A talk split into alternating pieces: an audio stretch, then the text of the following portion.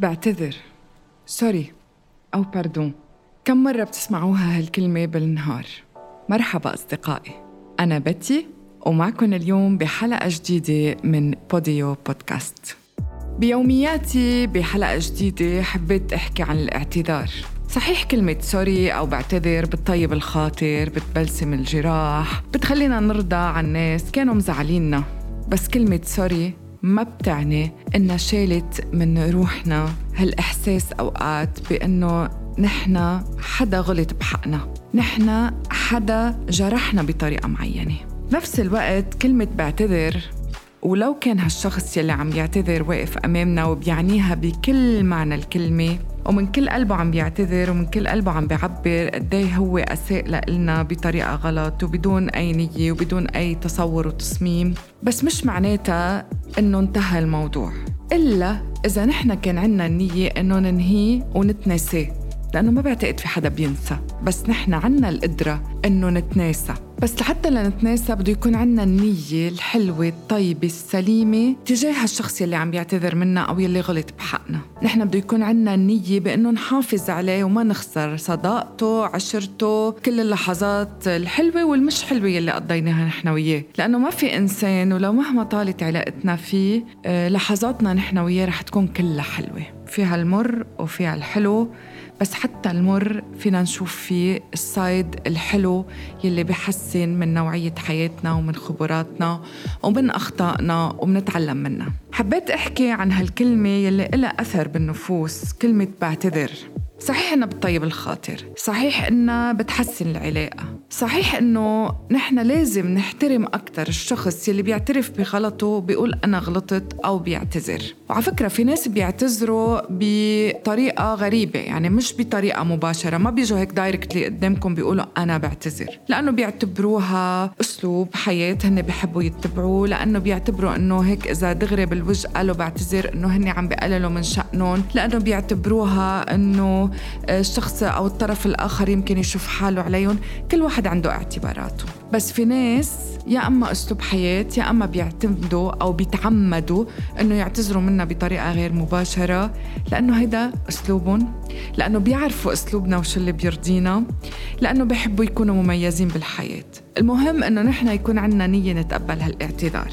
ومن كلمة بعتذر وسوري بدي أنطلق أنا لنقطة تانية بخصوص هيدي إذا بدي أعتبرها قضية أو فكرة لأقول إنه أيام كتير إنه نصلح غلطنا ونفرجي الطرف الآخر إنه نحن صلحنا هالغلط بالفعل بالبرهان أهم بكتير من كلمة sorry.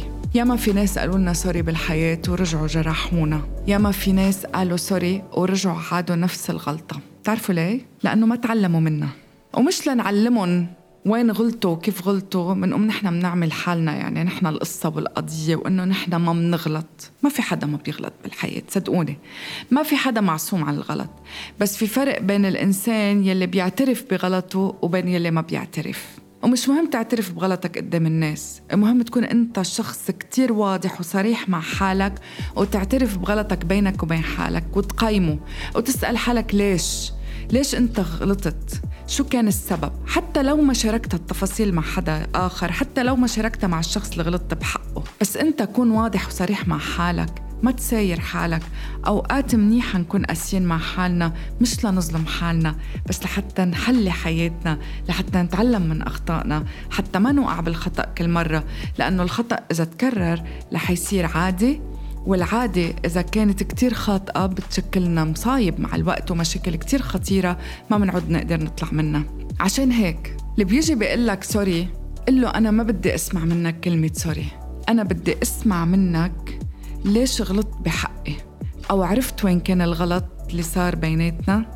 1 2 فيك تقول له إذا ما بدك تشارك معي تفاصيل الخطأ اللي صار على القليلة طمني وقل لي إنك أنت عارف ضمنيا وبكل صدق شو هو الخطأ اللي صار اللي, خ... اللي أثر على علاقتنا اللي أثر على الشغل اللي أثر على النتائج المطلوبة اللي أثر على التارجت اللي بدنا نوصل له اللي أثر على كتير قصص. وقد يكون هالخطأ ما أثر لا علي ولا عليك ولا على حدا بس أثر على هالشخص بذاته. وأنت من كتر ما بتكون بتحبه لهالشخص وبتهتم لأمره بتلاقي إنه بدك تصحيه وتوعيه على الغلط اللي عم بيعمله وعلى فكرة انتبهوا كتير منيح. الإنسان اللي عم بيغلط بحق حاله ونحن متأكدين مش إنه نحن يابا يعني نحن منتبهين عليه نحن منخاف عليه بس نحن يمكن مش عارفين تفاصيل حياته.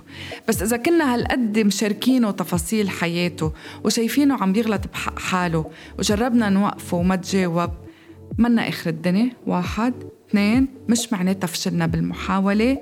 بس بدنا نعطيه وقت لهالشخص ليقدر هو يستوعب فكرة إنه هو عم بيغلط. بدنا نعطيه وقت لأنه نحن عملنا له الإنذار عطيناه الألارم بإنه انتبه لحالك أنت عم تغلط. وبدنا نبعد شوي few steps back حتى هو يروق ويقدر يفكر ويستوعب فكرة إنه أنا عم بغلط وين عم بغلط. ما بدنا نهاجمه ما بدنا نواجهه. ما بدنا نحسسه إنه نحن رح نصير اعدائه إذا هو ضل يغلط. بالعكس بدنا نحسسه بمحبتنا بخوفنا عليه بإدراكنا للخطأ اللي هو فيه وباستيعابنا له بأنه نحن جاهزين دايما نكون حده وأنه نحن مش بس عم نوزع عليه نظريات ونتفلسف نحن جايين وعنا الحل يلي بيساعده بناء على ظروفه وبناء على الأسباب يلي خلته يغلط. كلمة ليش كتير مهمة وقت نكون عم نغلط. بحق حالنا أو بحق غيرنا لأنه هالكلمة بتقدر تعمل تحليل للوضع عامة توصلنا لنتيجة إنه نحن ما نعود نخطئ لا بحقنا ولا بحق الآخرين. وساعتها كلمة سوري أو بعتذر بصير لها وقع مختلف على الأشخاص وعلى حياتنا. وأنا بعتذر إذا طولت عليكم وشكرا لاستماعكم